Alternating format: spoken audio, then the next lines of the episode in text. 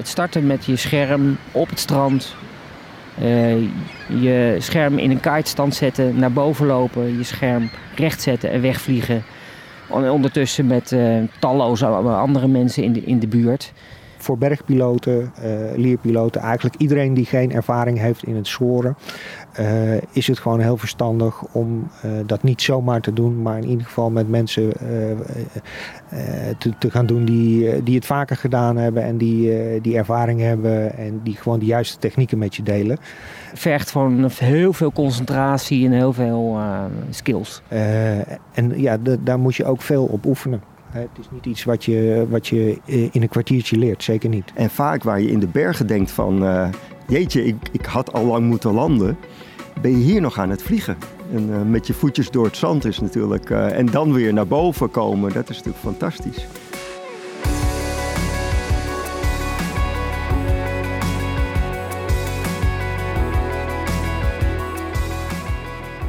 Hallo, welkom weer bij Vliegpraat, de podcast over paragliden, waarin je wordt bijgepraat over de ins en outs van deze sport. Gemaakt door mij, Harold Brouwer. In deze aflevering keer ik terug naar de kust, naar Menno Verbaas, Ilko Hols en Max Morrien, om verder te praten over soren en specifieker de techniek daarvan. Je ziet het vaak dat uh, mensen vliegen alleen als ze dan in de lucht komen, heen en weer, een beetje langs het duin. Hallo. Komt een fietser langs, een vrolijke fietser. Ja. En als je ze tegenkomt in de lucht, dan lijkt het alsof we een beetje met oogkleppen uh, aan de zijkant vliegen. Zo van, ik ben blij dat ik in de lucht hang. Ja. En het is echt een andere discipline binnen het paragliden, hè? Nou ja, je vliegt natuurlijk met soren, vooral hier aan de duinen, vlieg je heel dicht, uh, kun je heel dicht ook bij de grond vliegen. Dus dat, dat is een hele andere dimensie. Dus de grondsnelheid is heel anders. En vaak waar je in de bergen denkt van, uh, jeetje, ik, ik had al lang moeten landen, ben je hier nog aan het vliegen. En uh, met je voetjes door het zand is natuurlijk. Uh, en dan weer naar boven komen, dat is natuurlijk fantastisch. We zien vaak mensen proberen achteruit omhoog te lopen met een scherm. Hè, dat ze prima controle hebben over het scherm, zolang dat recht boven hun hoofd staat. En dat ze proberen achteruit de duin op uh, te lopen. Ja, dat is een, een nagenoeg onmogelijke opgave. Ik zal het niet helemaal uit de doeken doen, maar het, het, het, gaat gewoon niet werken in 9 van de 10 gevallen. En in 10 gevallen heb je misschien een keer geluk. Uh, maar het is een techniek die uh, slecht werkt en ook de nodige risico's uh, met zich meebrengt van achterovervallen of hard op je rug terechtkomen. Um, hoe kan je het vergelijken? Ja. het is echt iets anders. Het is echt iets totaal anders, ja. ja. Het soren, je doet het ja, met, met, met mooie dagen, kan je eens een keertje 20 meter boven de duin uitkomen, maar dat is echt het max.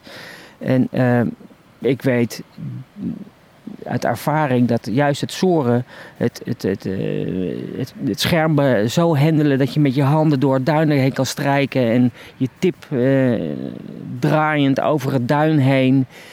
Je bent het vooral um, aan het, aan het, um, ja, aan het, aan, dat, het vliegen aan het uitpersen. Het is, je, je bent constant perfectioneren. Perfectioneren en continu zit je op het randje. En dat is leuk om elke keer uh, je eigen grenzen te verleggen. Uh, en ja, dat is, en dat, die uitdaging die is hier eh, aan het strand is, uh, is, is geweldig. Dat is, ja. Waarin verschilt Soren het meest van bergvliegen? Even los van dat je natuurlijk aan één langgerekt duin vliegt. Um, de thermiek is bijna te verwaarlozen. Um, over het algemeen heb je laminaire wind. dat is ook wel prettig ook. Uh, en, uh, dus daar, uh, daar verschilt het enorm in. Weinig thermiek, ja, laminaire wind. Ja, precies. En het starten. Het starten met je scherm op het strand. op een gegeven moment vloog ik en dan zag ik mensen op het strand struggelen. En die ging ik helpen. En ja, het, het, gevolg was alleen dat ik zelf bijna niet meer vloog, omdat ik mensen aan het helpen was. Omdat ik dan wist hoe je wel het duin op kon komen. En uh, ja, toen op een gegeven moment, een jaar of twaalf geleden, kwam ik erachter met, met een vriend van mij, Thijs Versloot, waar ik ooit mee begonnen ben hier. dat, dat je ja, niet goede wind om te soren nodig hebt om te kunnen groundhandelen. En toen zijn we ook op andere dagen en gewoon op een oostplek zijn we gewoon die lessen op het strand gaan geven. En eigenlijk, dat zie je ook bij, bij onze acropiloot Luc de Weert. Van, en ook bij sommige andere acropiloten die zeggen van ja, je moet het niet daar in de lucht leren. Je moet beginnen hier. En ook elke keer het hier op, het, op de grond moet je het kunnen. En als je het heel, helemaal op de grond onder controle hebt, dan gaat dat, uh, dat duin op en in de lucht ook veel beter. Hoe moet het wel, de start aan een duin? Ja, ik had het over het achterwaarts naar boven proberen te lopen. Uh, achterwaarts starten op het duin zelf is ook geen goed idee. Het is echt met je scherm op een punt naar boven lopen. Dus eigenlijk als een soort kitesurf kite. die kite voor je houden, de de, het scherm voor je houden en dan daarmee naar boven lopen. En pas boven op het duin of op een punt waar je zegt van nou nu hebben we voldoende wind om weg te vliegen. Om dan pas dat scherm echt boven je te brengen. En dat is natuurlijk een techniek die we in de bergen uh, niet, uh, niet gebruiken uh, en ook niet te oefenen. Is dat een beetje die Cobra start? Cobra start niet helemaal, maar het, het, heeft wel een, een onderdeel daarvan in zich. Cobra start wil zeggen dat je het, het scherm langs, langs de zijkant van het windvenster weglegt. En hem daar langzaam laat opkomen. Nou, op het moment dat dat scherm daar is opgekomen en rechtop staat. Hè, niet recht boven je, maar recht op een punt staat. Hè, dat is de manier waarop je naar boven kunt gaan lopen met het scherm. En dan komen er nog wel meer elementen bij kijken. Maar dat is in de basis. Ga je eigenlijk als een soort kite. Laat je je naar boven trekken. Het duin op. En pas daar ga je wegvliegen. Je scherm in een kitestand zetten. Naar boven lopen. Je scherm recht zetten en wegvliegen. Ondertussen met uh, talloze andere mensen in de, in de buurt. Uh, nou, dat, dat, vergt gewoon heel veel concentratie en heel veel uh, skills. Wat zou jij mensen willen aanraden die willen beginnen met soren? ja, ga gewoon heel veel oefenen. Ga gewoon eerst eens op dat strand staan en leer, leer je scherm kennen. Tot in de, in de finesses. Dat is, ik doe dit nu 30 jaar. En ik leer nog elke dag. Denk nooit dat je klaar bent. Want dan is dat duin vrij snel dichtbij hoor. Of een gat waar je in wordt gezogen door harde wind. Of een, uh, een paraglider die te dichtbij je zit. Of uh, noem, noem alles maar op. Max, jij geeft al jaren les in het uh, soren. Als er nou een piloot naar jou toe komt die zegt ik wil leren soren. Wat is je aanpak? Ja, dan is mijn aanpak, en dat is dan heel vervelend voor die, uh, voor die piloot, dat is uh, we gaan eerst op de grond staan. Ja, en het liefst zo lang mogelijk. Ik zie soms hele getalenteerde mensen zie, die je gewoon echt in een halve dag, dag kunt leren soren. En dat is wat anders dan bergvliegen. Bergvliegen, hè, je, je stapt van de berg af en je hangt op 500 of 1000 meter en met radio links en rechts.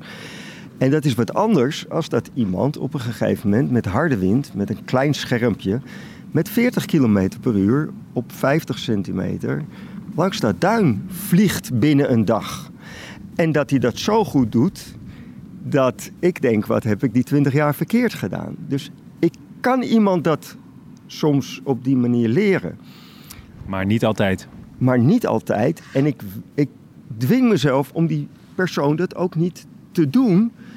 Want als ik met hem op het strand ga staan voor een paar dagen, dan leert hij zoveel meer. En daar, daar dwing ik hem dan echt ook toe en mezelf toe. Van ga op dat strand staan en leer dat scherm onder alle omstandigheden onder controle te hebben. En dan is de rest wordt een stuk makkelijker. Kun je een paar voorbeelden geven waar jij uh, veel aandacht aan besteedt? Ik besteed het, het voornamelijkste is gevoel. Dat is wel, dat is wel heel moeilijk, hè? Eigenlijk om gevoel. Sommige mensen hebben het, hè? een soort van ja, aangeboren haast zou ik willen zeggen. Maar. Ja, ja, dan kom ik om de hoek van hoe kan ik mensen met een bepaalde instructie uh, zo snel mogelijk dat gevoel geven. En het klopt, de ene die, uh, die heeft het heel snel en de ander heeft het minder snel. En, Wat doe je bij mensen die het minder snel hebben? Uh, nou, ten eerste proberen die frustratie eruit te krijgen. Van, kijk, je hebt hier, dit is niet een paraglider, maar dit is een vliegertje. En ga nou maar eens vliegen met dat ding. en het mag ook allemaal fout gaan op het strand. Of, of, of je kan het ook gewoon uh, op een landingsplek in de bergen doen of een grasveld. Het mag allemaal fout gaan. Het hoeft niet. Ik heb geleerd in de bergen van je moet je scherm opzetten, omdraaien, eh, eventueel achterwaarts. Je moet scherm opzetten, omdraaien en weg. Het moet in één keer goed gaan. Het moet. En het moet helemaal niet. Het mag gewoon allemaal fout gaan.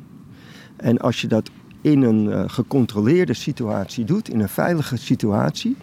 Uh, dus ik leerde mensen ook wat ze, wat ze kunnen doen in een onveilige situatie, zodat ze binnen een paar seconden uh, veilig zijn. En als je in zo'n situatie mensen het, het, het laat groeien, dan krijgen ze dat gevoel op een gegeven moment. Stel, jij gaat een dagje soren. Hoe ziet dat er dan uit? Even van aankomst tot, tot en met dat je geland bent. Uh, ja, dat is uh, wat, wat simpeler dan in de bergen wat dat betreft. Het is aankomen, uitpakken, kijken wat, wat er vliegt, wie er vliegt. om te kijken van hey, welke, welke schermmaten ga ik pakken. Dat is ook natuurlijk wat anders dan in de berg. Dus je, je gaat kiezen welk scherm pak ik. Afhankelijk van de wind? Afhankelijk van de wind. En afhankelijk van of je meerdere schermen hebt natuurlijk, ja of nee. Maar de meeste fanatieke soorten uh, hebben, hebben meerdere schermen. Dan is het uitpakken, lekker vliegen, uh, landen, even een kletspraatje maken, uh, weer doorvliegen. er zijn mensen die de hele dag blijven hangen en het heerlijk vinden om vier, vijf uur achter elkaar te vliegen. En er zijn mensen die even tien minuten een rondje maken en tien minuten later nog een rondje maken. En ja, eind van de dag inpakken en weer, en weer lekker naar huis. Tot welke groep behoor jij? Ik uh, behoor uh, zeker uh, tot de groep 10 minuten hier, een kwartiertje daar, even een rondje, een rondje doen, kletspraatje maken. ja. je had het al over ja, verschillende schermen. Ik kan me voorstellen, als je begint met bergvliegen, nou ja, dan koop je misschien op een gegeven moment een bergscherm. Ja, dan ga je naar het duin. En dan komen er ineens allerlei andere maten schermen ook nog waar je gebruik van kan maken. Ja. Dus ja, wat, wat moet je dan? Nou, een bergscherm, een, uh, wat voor scherm dat ook is, kan prima aan het duin. Alleen uh, een A-scherm is, uh, en veel B-schermen zijn ook wat minder geschikt in die zin dat het window waar je, waar je ze in kunt vliegen wat kleiner is. Een A-scherm heeft wat minder performance. Dat betekent dat hij redelijk wat wind nodig heeft om te kunnen vliegen. Maar uh, een A-scherm vliegt ook wat langzamer, dus mag niet te veel wind hebben, uh, want dan ga je niet meer vooruit. En dat betekent dat je genoeg wind moet hebben om te kunnen vliegen, maar ook niet te veel moet hebben, want dan ga je achteruit en dat willen we ook niet. En dat betekent dat die in een heel klein window uh, in te zetten is. Maar je kan er in dat window kun je er prima mee uh, soren. En een B-vleugel, ja, dan wordt dat window iets groter. En nou ja, uh, afhankelijk van de klasse van je scherm wordt dat window steeds groter. Misschien een beetje versimpelde weergave, maar in de basis een beetje de, de, het vergelijk met de bergschermen. Ja, en dan gaan we natuurlijk naar de, naar de mini-wings uh, en, en de kleinere vleugels uh, toe. Ja, dat is weer een wereld op zich. Dat zijn weer andere schermen. Uh, er zijn mensen weer bij de mini-wings. er zijn mensen die enthousiast zijn over freestyle of acro-vleugels voor gebruik aan het, aan het duin. En daar zijn ook weer heel veel smaken en soorten en uh, ja, die, die een rol spelen maar ja, dat, dat varieert van uh, 10, 11 vierkante meter uh, tot ja, 26, 27 vierkante meter toe, zeg maar. Een beetje afhankelijk ook van het gewicht van, van de piloot. Hoeveel schermen heb jij? Oeh. Ongeveer? Ik, ik denk tussen de 15 en de 20. Maar dan zou ik moeten tellen. Er is keuze? Ja, ja. Dus ik kan redelijk wat weersomstandigheden aan. Ik vlieg bijvoorbeeld tegenwoordig met, met mijn gewicht, met 70 kilo, vlieg ik met een scherm van, uh, van flat 19 meter. En daar thermiek ik gewoon mee en daar vlieg ik gewoon mee. En vroeger was het ondenkbaar, maar die schermen hebben zoveel meer performance gekregen. Dus we hebben hier die mini-wings hier aan het strand. Het mooiste is als je een mini-wing hebt met heel veel performance. En, en dan klein. En dan, dan kun je lang boven blijven, ook als de wind schuin staat. En, uh, en dan hebben we, hebben we, ook nog het voordeel dat die designers de schermen tegenwoordig zo stabiel kunnen maken dat, dat, je, dat zowel beginners als mensen die uh, echt al, al hier heel lang aan de duin vliegen, dat, dat die aan hetzelfde type scherm vliegen. Dat is ook heel apart. Je had het net al, toen we even wat zaten te drinken, had je het over de komst van die kleine schermpjes. Hè? Dus ja. er verandert van alles. Dus laten we het eens over de schermen hebben. Uh, ja, uh, nou, ergens twintig jaar geleden hadden we alleen maar grote schermen. Uh, daar kon je al een beetje mee experimenteren door een wat kleiner scherm te gebruiken. Kleine bergscherm. Ja, kleine bergscherm om met hardere wind toch nog te kunnen vliegen. Um, toen kwamen er acro-schermen, die waren al een stuk kleiner. Die gaven een andere dimensie. Alleen het nadeel van een acro-scherm aan de duin is, je hebt gewoon hele lange lijnen. Um, dus dat is niet, dat is niet ideaal.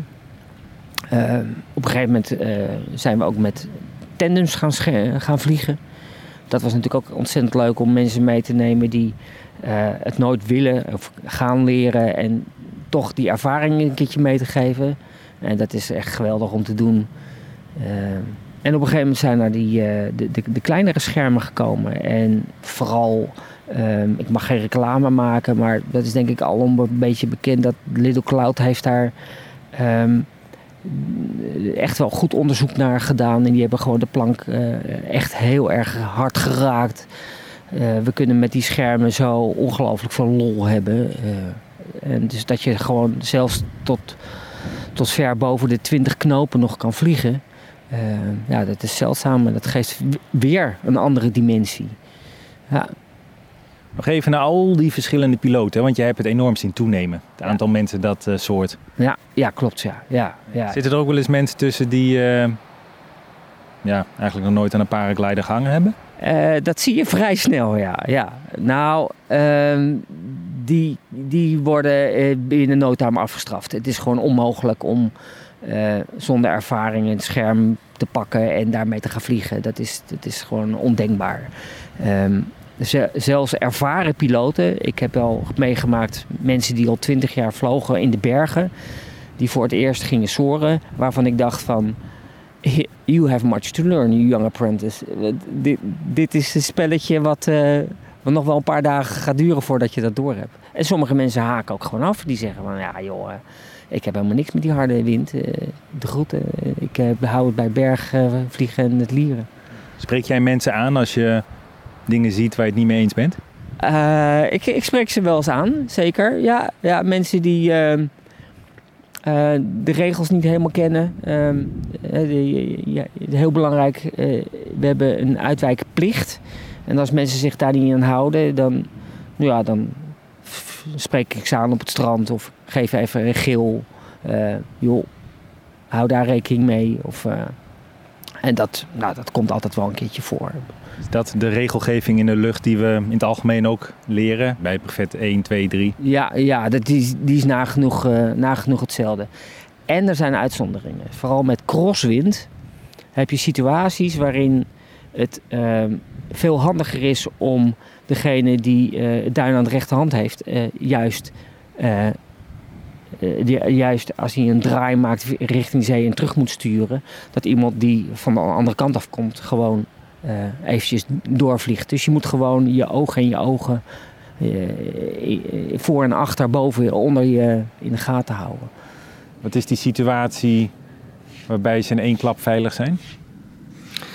Ja, uh, dat ligt eraan wat voor een wind er is. harde wind? Harde wind, ja, harde wind. Ja, dat is. Ja, dan komen de, de. Hoe noem je dat? de kneepjes van het vak op een gegeven moment. Wat je, Wil je er iets over zeggen? ja, ja, ja, ik wil het eigenlijk natuurlijk niet zeggen, maar ik, ik ga het toch zeggen. Want, want het, eh, uiteindelijk gaat het bij mij om het plezier van het vliegen en om de, ook om de veiligheid. Eh, we zien hier piloten met harde wind en dan gaat het mis. En dan eh, worden ze meegesleurd, ze worden over het duin gesleurd. Eh, ze zitten in een veilige situatie en daarna slaat het om in een onveilige situatie, omdat ze niet weten wat ze moeten doen. Maar wat heel tegenstrijdig is in het paragliden, dat is dat als het scherm op zijn kop ligt, dan kan hij niet vliegen. En dat kun je echt binnen twee seconden voor elkaar krijgen. Nose down. Binnen, ja, nose down, binnen twee meter. En al zal het je scherm kosten, weet je wel. Als je moet kiezen tussen in de bergen een, een, eh, een startplek of tegen een rots aange, aangetrokken worden, of je scherm op zijn kop, dan weet ik wel wat ik kies. Komt even een eh, reddingshelikopter langs. Bij harde wind, mensen dreigen, of sterker nog, worden gewoon meegedragd als het ware. Dan zeg jij in twee seconden moet je je scherm nose down krijgen. Ja, klopt. Ja. Daar zijn we op een gegeven moment achter gekomen. Eh, en dat is, dat is dé manier. Stuurlijn heel diep, één kant. Ja, in het begin, als je gewoon niets doet, gaat het vanzelf. Dus in het begin zeggen we tegen mensen eh, die bij wijze van spreken les hebben met harde wind van... Als er wat misgaat, niets doen, nergens aankomen, stuurtokkels los. Dat is natuurlijk ook voor het paraglider stuurtokkels los, dat is wel een ding. Eh stuurtokkels los, gewoon niets doen. En dan eh, later gaan we ze leren om het eh, te versnellen. Om sneller in die nose-down situatie te komen. En, en als hij dan op zijn kop ligt, om daar dan weer op een veiligheid, veilige manier dat ze het scherm binnen kunnen halen. Als je het scherm zeg maar, op zijn kop hebt, wat gebeurt er dan? Ja, mensen denken, ook met harde wind, dat, dat, dat je dan nog steeds keihard mee gesleept wordt. Maar dat is dus niet het geval. Dat is heel apart. Van als hij op zijn kop ligt, dan trekt hij een beetje. En dan ga je misschien heel langzaam tegen een hek aan of heel langzaam tegen een gebouw aan. Maar niet met eh, volle snelheid, met, eh, met 30, 40 kilometer per uur, wat, wat wel gebeurd is eh, en wat je weer ziet in filmpjes. Wat kun je zeggen over de slijtage van het scherm bij het zoren? Eh, nou ja, dat is eh, misschien een onverwacht antwoord, maar die is minimaal.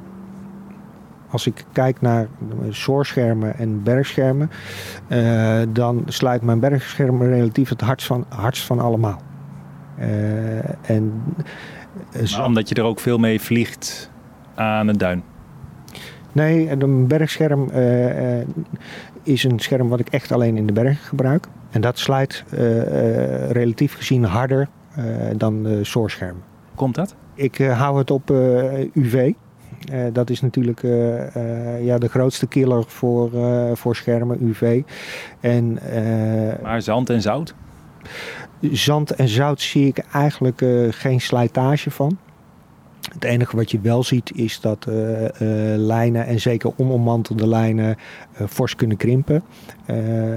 Vochten die zijn wat gevoeliger voor, voor vocht. Het, het strand is natuurlijk ook vochtiger.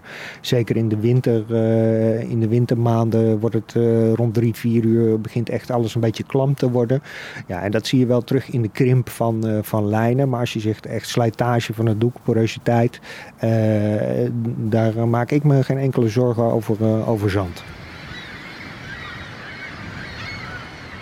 Spreek iemand aan en ook al denk je van ja, maar ik kan het niet en ik ben niet zo goed. Nee, dat was ik vroeger ook niet. Dat, eh, ik heb ook hier zitten stuntelen en ben over de duin heen gesleurd. Dat was ik vroeger ook niet. En ik ben ook alleen maar door vragen en door kijken en door, eh, door proberen wijzer geworden. Dankjewel. Oké, ja, het was een heel fijn gesprek.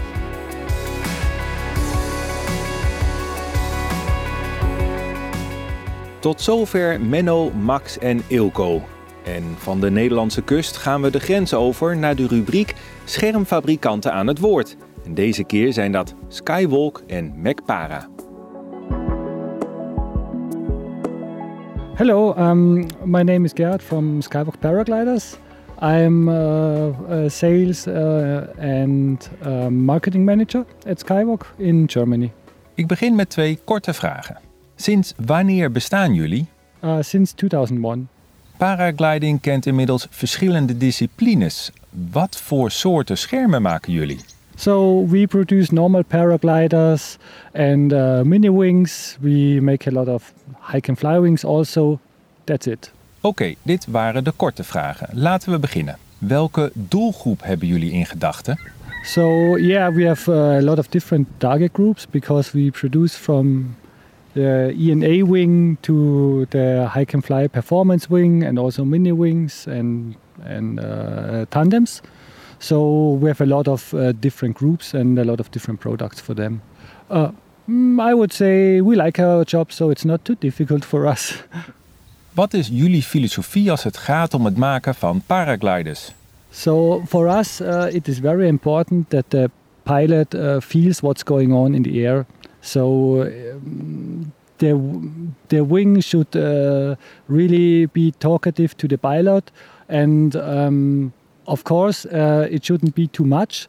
But uh, um, for us. Uh, we call it active safety is that you feel the air so much that you don't um, have to count on the passive safety of the wing and you and the pilot should really know what's going on to feel safe.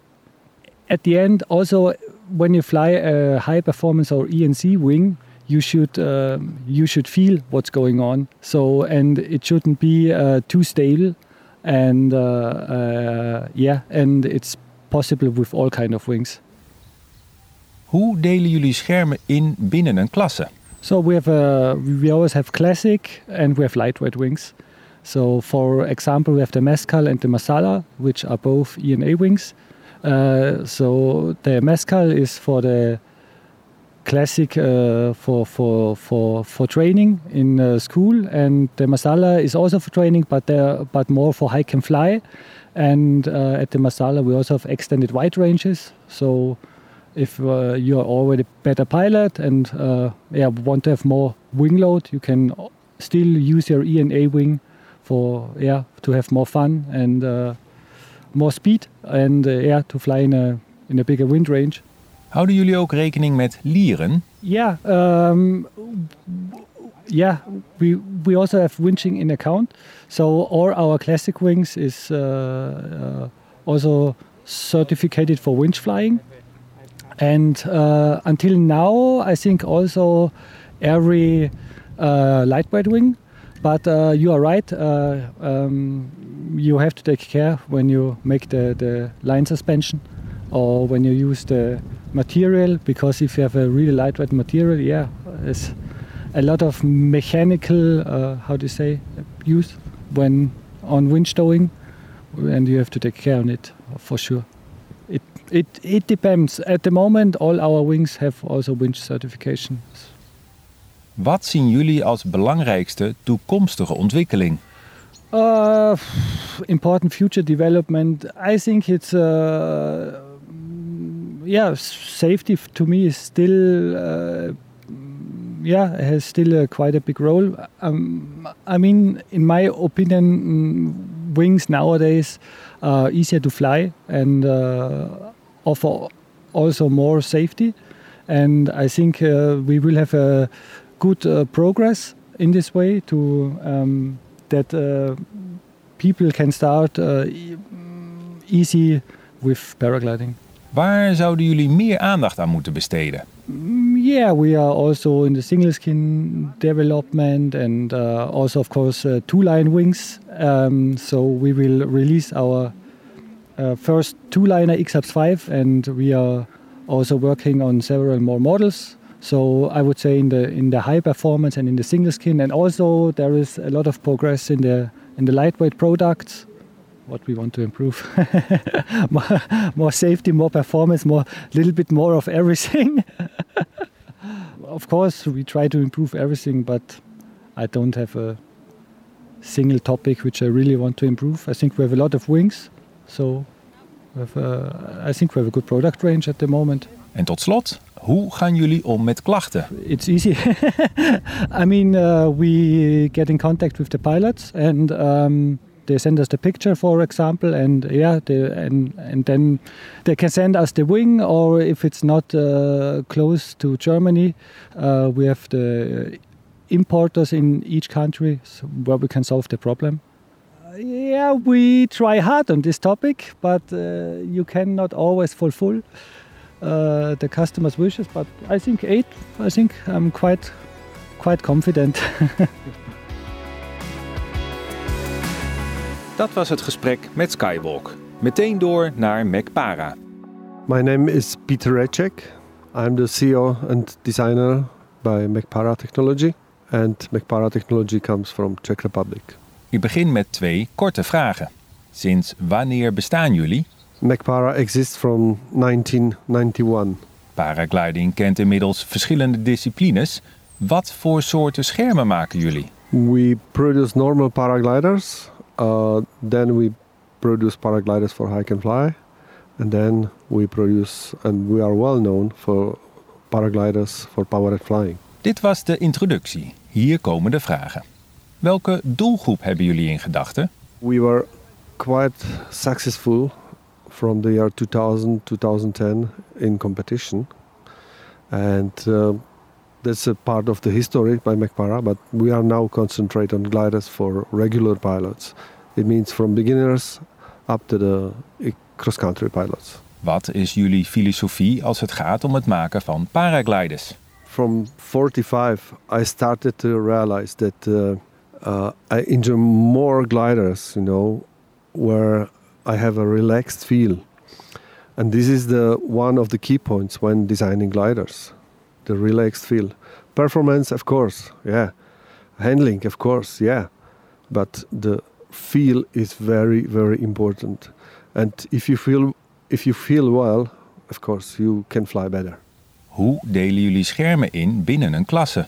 Therefore, I think uh, it's not easy, you know, to evaluate paraglider a minus, A plus, uh, because uh, yeah, it can be really different. You know, you can have a E and B glider that is really sensitive, dynamic, and you will not feel well under it. You know, and it doesn't matter if it's uh, classified B middle, B low, or B high end.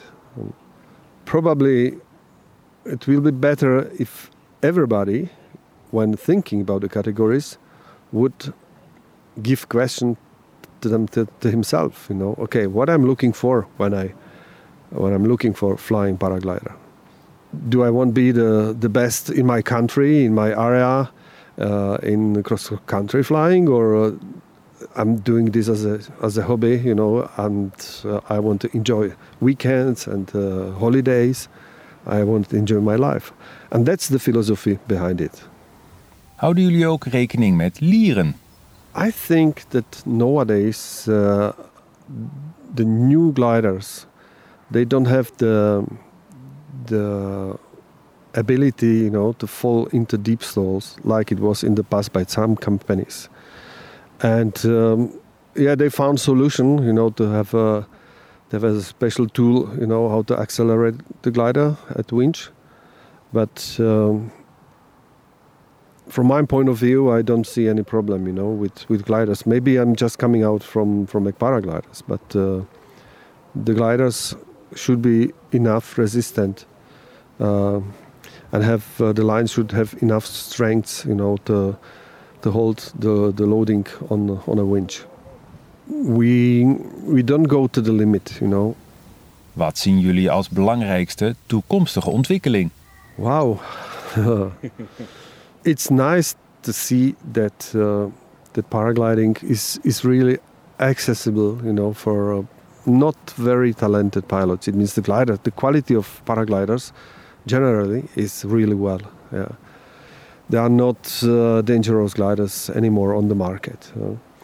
Um, the tendency from just saving some lines, you know, is already already decreasing, and we are going back, you know, to keep the airfoils in the right shape. And uh, it's not only MacPara. I, I, see this by other companies also. Uh, And of course, in uh, high performance oriented pilots, they will be concentrate on two liners, and now it's the ENC two liner era coming. Yeah, yeah, we will be present as well, for sure. But um, I think it might be risky, you know, uh, if it's not well made. It means um, if you want to bring in hurry a new glider to the market, there might be a problem. You know, if you test it properly, okay, you probably will bring a good product to the market. Waar zouden jullie meer aandacht aan moeten besteden? Uh, step by step, we are uh, starting now to make new gliders with uh, Nitinol rods, and um, I'm quite convinced that all our gliders in the future will be equipped with uh, Nitinol. Which is? We use the rods to reinforce the airfoils, yeah, and you can take a plastic or you can take a metal, you know, and uh, the nitinol has the advantage if you bend it, okay, it can straight back to the position, to the shape, to the original shape, yeah, and um, it is it's it is lighter, yeah, and uh, it makes the life uh, with your glider much much easier. En tot slot, hoe gaan jullie om met klachten? If there is a complaint and has a has a base and there is a real problem, of course, we always try to to solve the problem, you know. And I'm I'm quite strict because you know I'm designing the gliders and I know exactly you know what where is made. And if someone let the glider fall down um, on the nose, and then comes ah it is a shitty material you know you have to speak with the fabric produ- producer and and you have to replace my glider and you see exactly what has what has happened of course you know then you have to say i'm sorry man. We are ready you know to make the repair. We are ready to sell a new glider but you are responsible for your wing and it's written in the user manual. Okay you have to read it. And the the, the flight doesn't end when your feet touch the ground. It it ends when the glider is safely on the ground.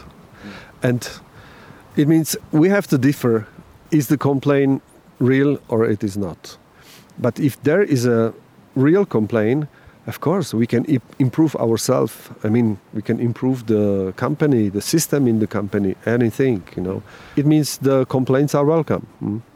Uh, for years I have I have a philosophy, you know, to maybe sell a little bit less than we could, but with 100% quality. And that's much more important, you know, for my field.